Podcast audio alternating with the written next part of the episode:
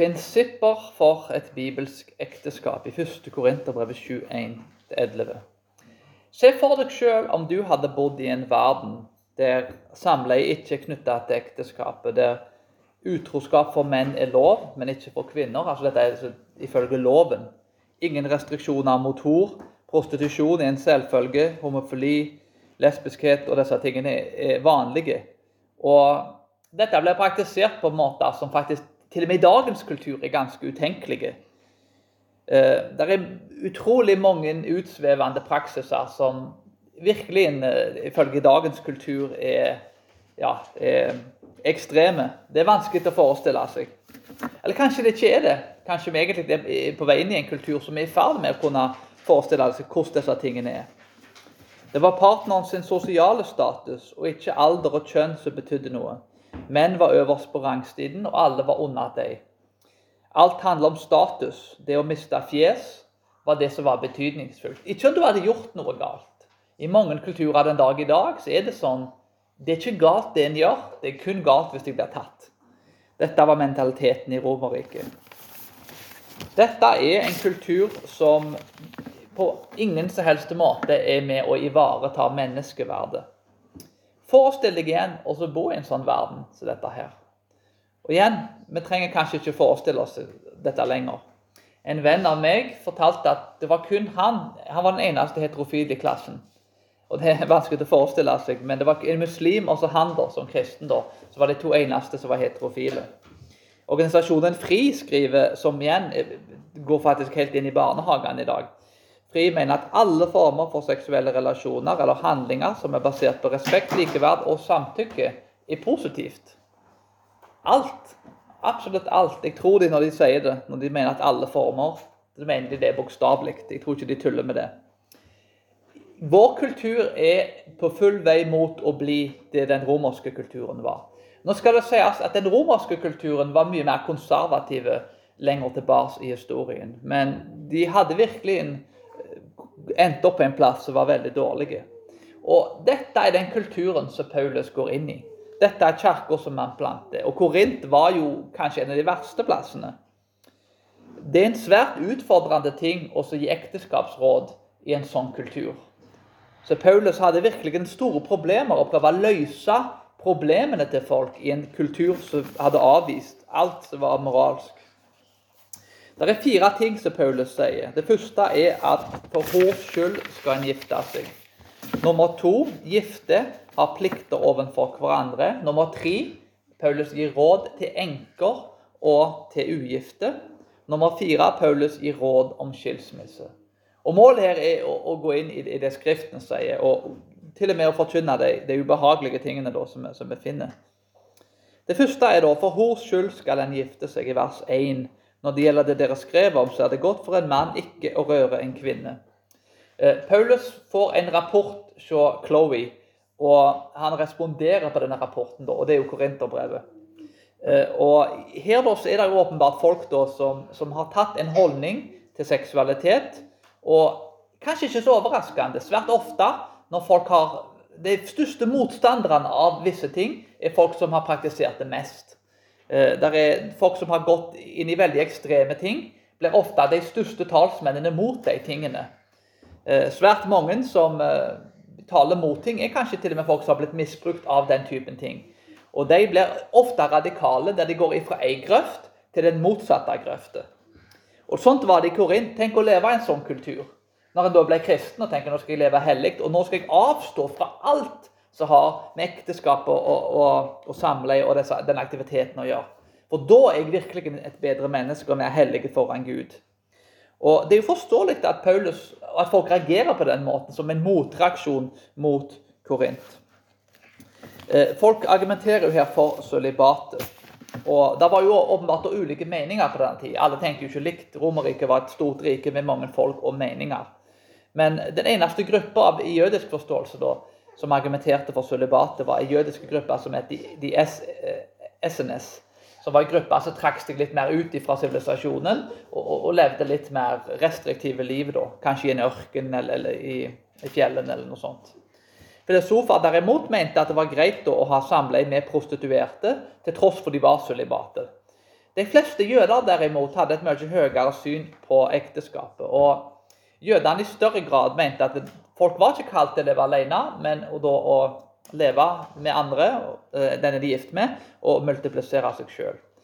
Den dag i dag så, så er, er, det faktisk en synd i jødedommen å ikke gifte seg, hvis du har muligheten til det. Eh, det er jo ikke den kristne posisjonen, men, men jødene har faktisk en, en kategori da, det, det mannfolk da, det de kaller de gutt til den dagen fram til de er gift. Så De gjør liksom litt indirekte narr faktisk spesielt av mannfolk da, som da ikke gifter seg. Så jødedommen er, Til og med folk som overlevde holocaust, endte svært ofte opp med å gifte seg for familier, familieunger. Rabbinere kan faktisk ikke være rabbinere uten at de er gift. Så jødedommen har eh, kanskje en, en ganske annerledes forståelse av, av sølibatet. I vers 2 så ser vi da Men for hors skyld skal hver mann ha sin hustru, og hver kvinne sin egen mann.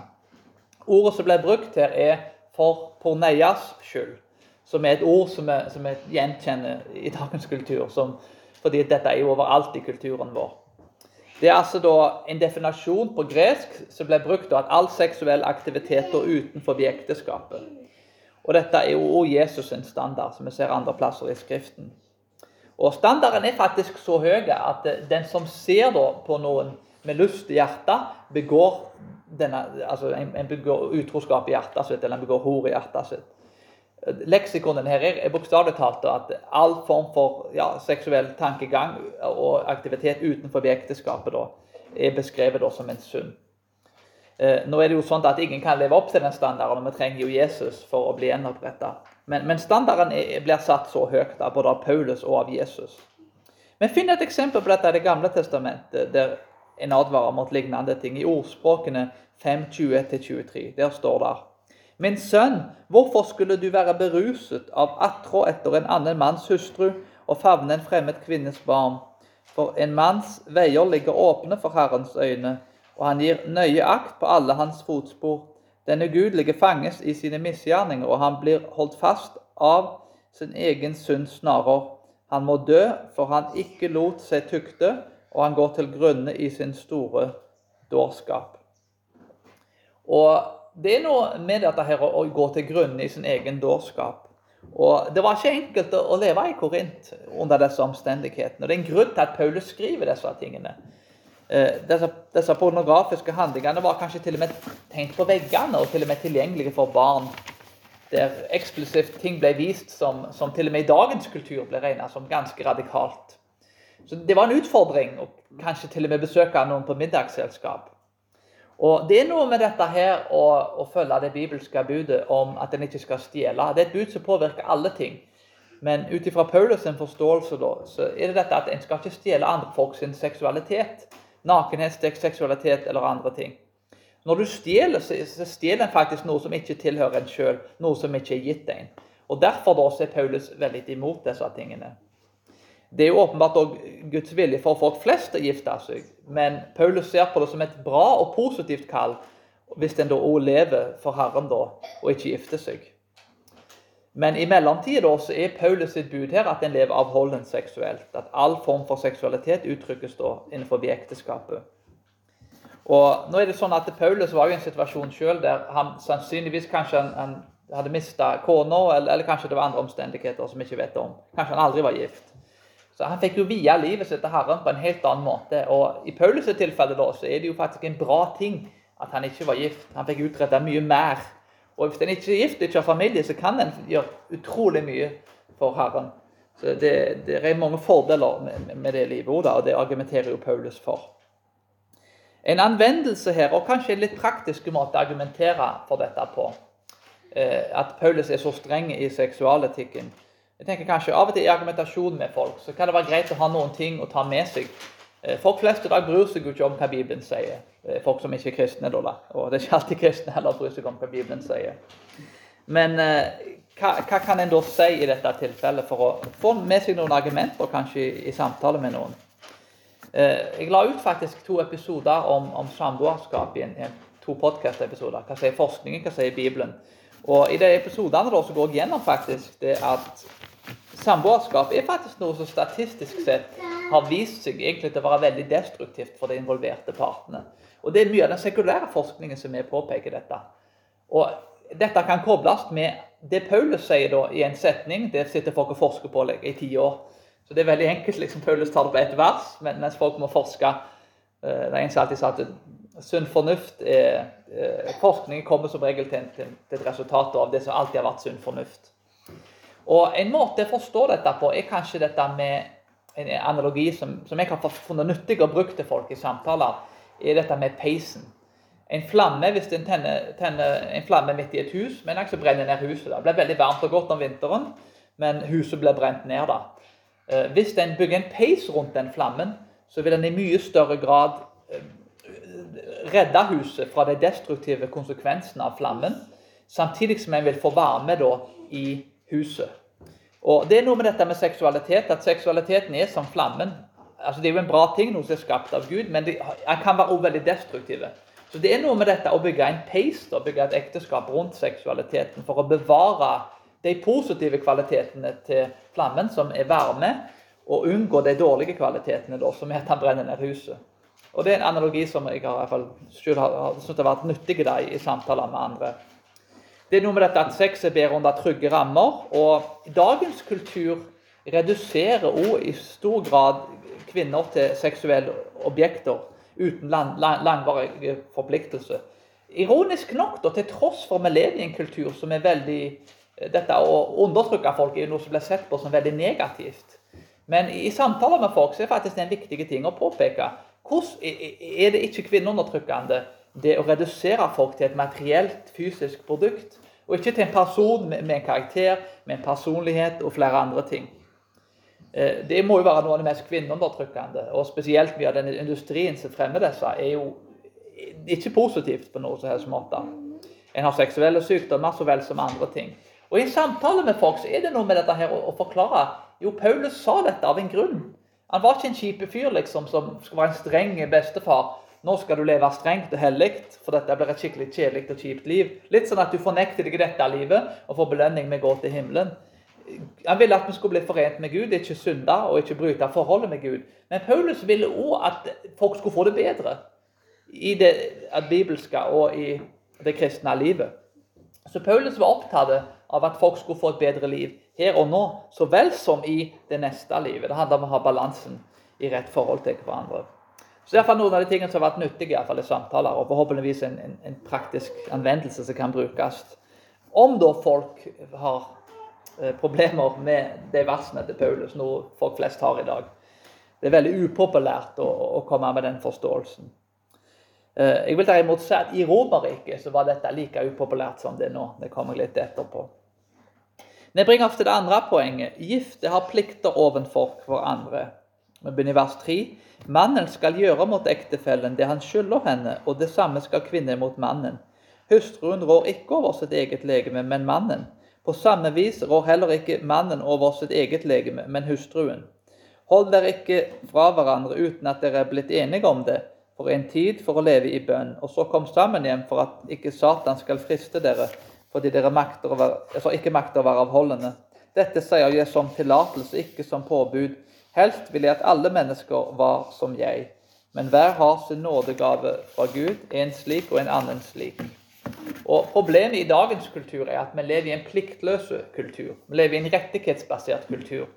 Snakk om plikter i dag, og folk blir veldig frustrerte. Snakk om rettigheter, og du får masse likes. Eh, Bibelen er bok der det er både rettigheter og der er plikter. Det er begge deler. Når en lever under Guds pakt, så er det masse plikter i samfunnet. Det er noe den yngre generasjonen ikke er alltid så glad for å høre. Men eh, det er noe med dette her å være balanserte. Paulus går imot Romerriket sin moral i en kultur der menn har alle rettighetene. Og Det er veldig vanskelig for oss å forestille oss dette i dag. For i dag lever vi i en kultur som er veldig annerledes. I dag er det vel i snitt jenter som gjør det best på skolen, tar høyest utdannelse. Og det er altså, kanskje historiens mest egalitære samfunn. Romerriket var et samfunn som var veldig annerledes eh, enn det norske samfunnet. Eh, det var et samfunn der da dette med undertrykkelse har blitt veldig misbrukt av det ordet, og blir beklageligvis utrolig misbrukt i Norge i dag. Men, men her var det altså en oppriktig form for undertrykkelse. da. Ikke, ikke sånn som ofte ble feil beskrevet.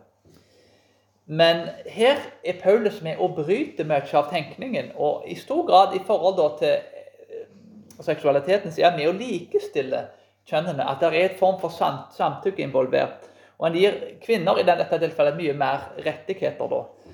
Eh, menn kan ikke gjøre sånn som de vil. At de har alle disse ekstra rettighetene, og så kvinner har det ikke.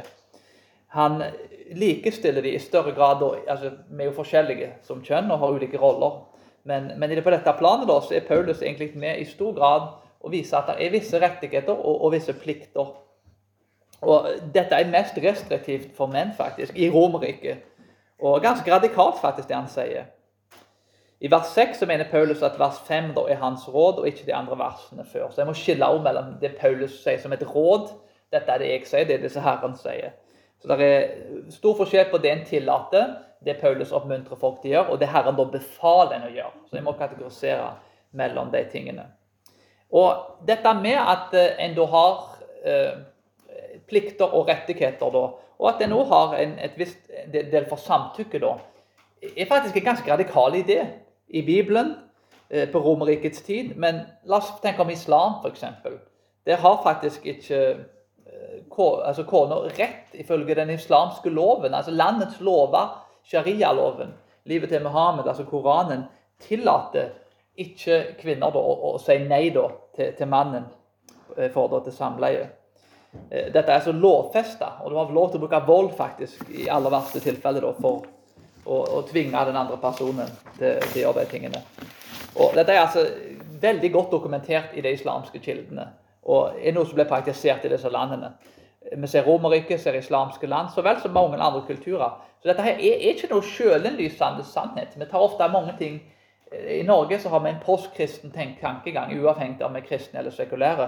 Og vi tenker at dette, sånn er det overalt, men, men, det har ikke vært sånn. Og det er heller ikke sånn i store deler av verden i dag. Flytter en til andre kulturer, så oppdager en ganske kjapt at det er en helt annen forståelse rundt disse tingene. Det er mange av dagens kulturer der menn har en del mer rettigheter og praktiserer ting som er veldig i strid med disse tingene her. Så dette er revolusjonerende på denne tida, og det er revolusjonerende på dagens tid. Det tredje rådet da er et råd til ugifte og enker. Det er nummer tre, vers 8-9. Til de ugifte og enkene sier jeg, det er godt for dem om de fortsetter å være som jeg. Men kan de ikke leve av holdene, så la dem gifte seg, for det er bedre å gifte seg enn å brenne av lyst. St. Augustin, da, som er vår store teologiske helt for veldig mange, da, Eh, han gikk jo fra å være med prostituerte og levde et skikkelig eh, hedensk liv. Når han sjøl innrømte det, at du ser det i bekjennelsen hans, så, så bekjenner han virkelig syndene sine der. Eh, men han gikk altså fra å være med prostituerte til å bli sølibat. Så han gikk i den grøften, i den motsatte grøften av det Paulus beskriver her. da. Men han mente at til og med om du var gift, så var det galt da med samleie hvis ditt motiv ikke var å produsere barn. Så Augustin hadde en veldig etter vet, i min mening i hvert fall, en, en, en veldig påvirka av gresk tenkning. Og, og, og, i dag er mye av det kristne landskapet Kanskje ikke så mye i dag, men da jeg vokste opp Denne tankegangen har egentlig fulgt altså, Augustin har påvirka Vesten i utrolig stor grad. Og denne tanken har, har ligget iallfall. Jeg, jeg kan huske nesten dette fra tingene som jeg observerte i, i kirka. Eh, hvordan den tankegangen ligger bak der. at det, det materielle og det fysiske og kjødelige aktiviteter, det er liksom det er ikke så hellig. Hvis du liksom egentlig avstår fra de tingene, er liksom et hakk litt bedre. Det har ligget litt sånn semitenkning rundt disse tingene bak det. Paulus argumenterer mot begge disse synene, og han vil gi en balanse. Han vil at verken sølibat eller ekteskapet skal forgudes, men at en da skal eh, har muligheten til, til, å gjøre begge deler. Men ikke fordi at det ene er bedre enn det andre. Å være ugift eller være enke gir en en mulighet til, til, å praktisere disse tingene på utrolige måter. En kan leve for Gud, en kan overgi seg selv til Gud. Men eh, det er ikke nødvendigvis det at eh, det er det rette valget for alle. Det er mange som, som da bør gifte seg ja, pga. at, eh, at en ikke skal brenne av lyst, bl.a. Så vel som andre grunner. Sølibatet dominerte jo middelalderen frem til reformasjonen. og Jeg kommer til å legge ut en episode om dette eh, senere. Men der er den agnostiske tankegangen. Og, og gnostisismen er overalt i kulturen vår. Dette var den største trusselen som kirka hadde, som Paulus møtte, som kirkefedrene møtte. Og gnostisismen den sier det at jeg må følge meg sjøl, jeg må følge det indre. Det fysiske, det er, altså det er ondt, mens det åndelige, det mentale, det er gode ting. Eh, I dagens kultur så er transseksualiteten dypt gnostiske. Mye av det, måten seksualitet blir forstått på, Enten, altså her argumenterte de for et sølibat, at jeg skal trekke meg ut av verden. Jeg vil ikke delta med kroppen i verden. Mens i dag så tolker en det på en annen måte. En sier det har ingenting å si hva jeg gjør med kroppen min. Det har null betydning. Det er ikke et tempel for Den hellige ånd. Jeg kan gjøre hva som helst. Jeg kan delta i alle aktiviteter jeg vil, uten at det påvirker moralen min, mentaliteten min, og at det påvirker ånden min. Nå er det mange som ikke tror at det er en ånd. Men gnostisismen er altså det har gjennomsyra kulturen vår. og Det ligger i vitenskapen. Bak hele den eh, LGBTQ-etikken så ligger det en gnostisk tankegang. Det jeg gjør med kroppen, har null betydning. Og Det er et veldig viktig evne, for gnostisismen har fått sitt comeback i den vestlige kulturen og er på fullt vei tilbake. Og Det er akkurat det samme som observerer i denne teksten. Uh, for å nevne to eksempler det er ofte dette med det gnostiske kan være vanskelig å forstå. Da Vinci-koden, hvis noen har sett den, så er jo ideen bak Da Vinci-koden er at er gnostiske evangeliene på Jesus' tid Disse evangeliene har kirka de har undergravd sannheten i de evangeliene. Det er der evangeliet egentlig, det sanne evangeliet. Kirka pga. sin makt har undertrykt den sannheten. Men, men, når du finner tak i det gnostiske evangeliet, da finner du evangeliet. Eh, John Lennon, som er sikkert noen har hørt sangene fra The Beatles, eh, mente da at den sanne Jesus fant du i de gnostiske evangeliene. Dagens kristne er ikke de sanne kristne. Det var gnostikerne. Det var de som var de, de sanne kristne. Så han var jo en åpenbar gnostiker, som da kom litt ut i musikken hans ord. Så Dette er ting som vi møter den dag i dag. Og det er overalt i kulturen vår. Gnostikerne er faktisk i flertall i dag. Eh, Kirka vant over gnostikerne, og de bekjempa eh, denne formen for avgudsdyrkelse. Men i dag så har vi altså samme utfordringen igjen. Men det, kommer jeg til å gå litt mer inn på en, en annen gang. I dette tilfellet da, så vil jeg avslutte med at uh, det er ikke noe galt med å tolke det sånn som Paulus gjorde. at I hans tilfelle så var det bra å være altså, uten å gifte seg. Det var bedre for han å tjene Gud, for han ble halshogd i Roma til slutt. Eh, så For han da så var det en positiv og en bra ting å leve uten familie og barn. Så For noen så er det et alternativ. og I motsetning til jødedommen da, så godkjenner vi det som et alternativ, som, som absolutt er eh, noe som Gud kan ha kalt en til å gjøre. En anvendelse av dette her, da, og for å bringe litt balanse på dette Paulus argumenterer at en skal gifte seg da eh, pga. at en ikke skal begå hor. Og Nå er det mange andre skriftsteder i Bibelen i tillegg til dette som forteller et litt annet bilde av ting. Anvendelsen her blir jo da at ekteskapet er da for å unngå hor, ja, men ekteskapet er jo for en del andre ting. La meg beskrive to-tre av de tingene her for å få litt balanse i regnskapet. Nummer én ekteskap er at mann og kvinne skal leve sammen i kjærlighet og i hellighet og hjelpe hverandre med alle ting. Nummer to ekteskap gir trygge rammer der en kan glede seg over hverandre både fysisk, relasjonelt og åndelig. Nummer tre Ekteskapet eksisterer for å få barn som vokser opp i trygge rammer. Nummer fire ekteskapet beriker samfunnet og gir en struktur som gjør at samfunnet blir funksjonelt. Nummer fem ekteskap gjør at mann og kvinne bygger Guds rike sammen i kunnskap om å frukte Herren. Nummer seks ekteskapet handler om å representere mysteriet til kirka og Kristus. Kirka som han elsker.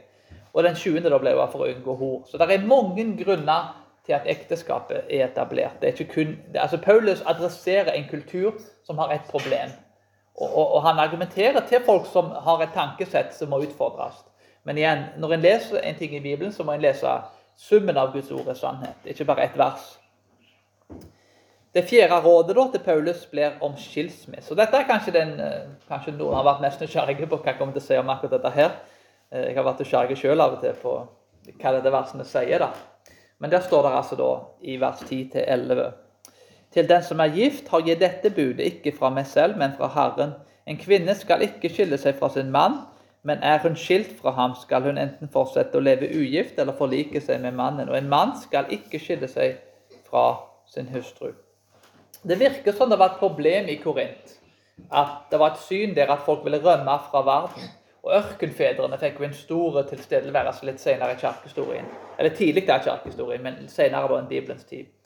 Eh, det var vanlig da at en rett og slett fikk en motreaksjon, som jeg nevnte tidligere. At eh, et hellig liv er et liv uten den form for aktivitet, uten å være gift. Og til og med om en var gift, så skulle en ikke praktisere disse tingene. Så Et liv i ørkenen, da, et hellig, et munke- og et nonneliv, er da et bedre liv, ifølge mange. Det fysiske er ondt, det åndelige er godt. Det, det var den gnostiske altså Mange var hedninger.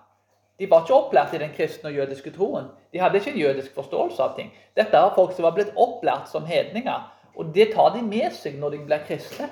Og Paulus kom inn for å utfordre dette her. Og nå er det jo sånn at I dette tilfellet, da, sånn som jeg tolker denne teksten, i hvert fall, og kanskje noen er enige eller uenige eh, Hva tenker en da om skilsmisse og dette å være gjengifte?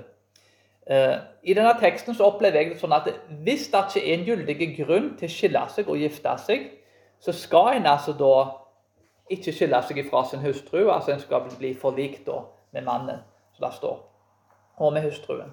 Så med andre ord, Det er mange tekster om skilsmisse og gjengifte. Vårt kirkesamfunn har en e-, eget kapittel om dette i bekjennelsen, så du kan lese det hvis du er nysgjerrig. Men Matteus 19 bl.a., så vel som andre skriftsteder. Så det er to unntak da for å skille seg og gifte seg opp igjen, ifølge vår bekjennelse. Dette var også, finner du hos Luther, hos Calvin. Og Hos kirkefedrene så er det veldig mange meninger om dette. Altså, det er ikke eksplisitt klart hva alle kirkefedrene mener om dette. Men det er jo dette med hvis du blir forlatt, hvis noen bare stikker av uten grunn. Det har skjedd med, noen. Eh, og så er det det med utroskap. Det er to kvalifikasjoner som, gjør at en kan få en godkjennelse da Altså jeg kan få en godkjennelse til, å skille seg og gifte seg opp igjen. La meg derimot si da, det er ikke det samme som at en bør gjøre de tingene. Uh, noen har venta. Jeg, jeg hørte et utrolig vitnesbyrd en gang om en, mannen forlatte kona. og Hun venta på han i mange år, og de ble gjenoppretta. Han ble faktisk gjeninnsatt som, som, pastor etterpå. Som Jeg er ikke kanskje helt enig i det valget, men det var en, jeg traff han da. Han var en fantastisk fyr. da, som virkelig, Han hadde ordentlig omvendt seg. og eh, familien var, var, veldig glad. Men kona hans var jo heltinnen da, i den fortellingen. da. Men, eh, men igjen, hun venta da. Hun, hun, ville holde ut og vente. og det, I det tilfellet så funka det veldig bra. Uh, et annet tilfelle er jo da utroskap, som er jo en utrolig ødeleggende ting. Uh, det er derimot sånn at uh, om en går gjennom disse tingene, så, kan jo Gud kalle en til å være tålmodig, til å tilgi og til å bli gjenoppretta med personen. Og det er jo alltid målet. En vil ha gjenopprettelse. Eh, jeg tror svært få folk vil argumentere for at skilsmisse er en bra ting. Eh, er, hvis du leser PCA Position Paper, det finner du på nett, så finner du altså òg en annen ting som ble nevnt der, og det er misbruk, eller abuse. Det var en sånn gammel, det, er tre a-ene da, i Amerika. Eh, det var adultery, abandonment og abuse. Hvis det er former for misbruk involvert, det kan være stoffmisbruk, misbruk av barn, Eh, misbruk av, av den en er gift med. altså Ulike former for misbruk. Det kan kategoriseres som et gyldig eksempel der en da kan skille seg og gifte seg opp igjen. Eh, det må vurderes fra sak til sak. Og en kan på en måte ikke, Det er mye i dag som blir kalt misbruk, som også ikke er misbruk. Men noen situasjoner er så ekstreme at en, en, en, en må redde ungene og andre ting. Eh, men det er altså ikke et unntak som du finner i bekjennelsen, men du kan finne det da i PCA Position Paper. Så hvis du lurer på hva vi mener om dette, så er det altså posisjonen vår. Paulus argumenterer etter min mening og snakker til folk da, som ikke har gyldige unntak for å skille seg. Og For dem da, så er alternativet da å bli forlikt. Og Generelt sett vil jeg argumentere at målet for alle folk er å bli forlikt, til tross for de synder mot hverandre. Men midt oppi dette her så tenker vi kanskje da det er veldig deprimerende. Ja, det er flotte råd Paulus har, alt dette her, men det er jo deprimerende å se vår kultur, som da er veldig lite mottakelig for disse rådene. Og når jeg leser Korint, så ble ikke jeg deprimert, faktisk. Jeg ble veldig oppmuntra. Hvis Paulus planta denne kirka, og hvis denne kulturen var verre enn vår, hvis det var mer korrupt og mer umoralsk enn vår, bør ikke vi bli oppmuntra av det? Hvis Paulus gikk inn Han kunne sagt denne kirka er fortapt. Sodom og Gomorra-kirke. Liksom. Bare Gud, send flammen fra himmelen og ødelegg denne kirka. Han kunne jo sagt det òg, at jeg har gitt opp. Det er for seint. Denne kirka kan ikke reddes. Men Paulus gikk inn og gjorde det motsatte. Han sa denne kirka kan reddes. Dette kan vi fikse. Og ei kirke som har sunket så lågt Hvis Paulus hadde håp for den kirka, så er det jammen meg håp for både vår kirke så vel som kirker i Vesten, og kirker som helhet i Vesten generelt. Paulus hadde håp for Korint, og vi bærer håp i dag. Om Romerriket over flere hundre år kan bli kristent, så kan fremtiden vår bli det òg. Og dette håpet finner vi ikke i oss sjøl, og det var der hemmeligheten til Paulus var. Grunnen til at både Paulus og noen av korinterne hadde et håp, var at Kristus hadde fundamentalt forandra identiteten og prioriteringene deres. Det viktigste er ikke ekteskapsstatus, om en er gifter eller ei, kulturell bakgrunn, psykologisk tilstand, økonomisk status eller annet. Til og med å være en slave som var veldig nedsatt i Romerriket, var ikke definerende for folk. Det som var viktig, var å tilhøre Kristus. Vi er kjøpt med en pris, vi tilhører Han, og vår kall er ikke derfor å følge den menneskelige visdommen, som fristelsen i dag er stor for det. Vi skal ikke følge inn den indre sannheten følge hjertet ditt, som gnostikerne ofte ville sagt og som mange i dagens kultur forteller oss. Men vi skal overgi oss til Herren Jesus Kristus.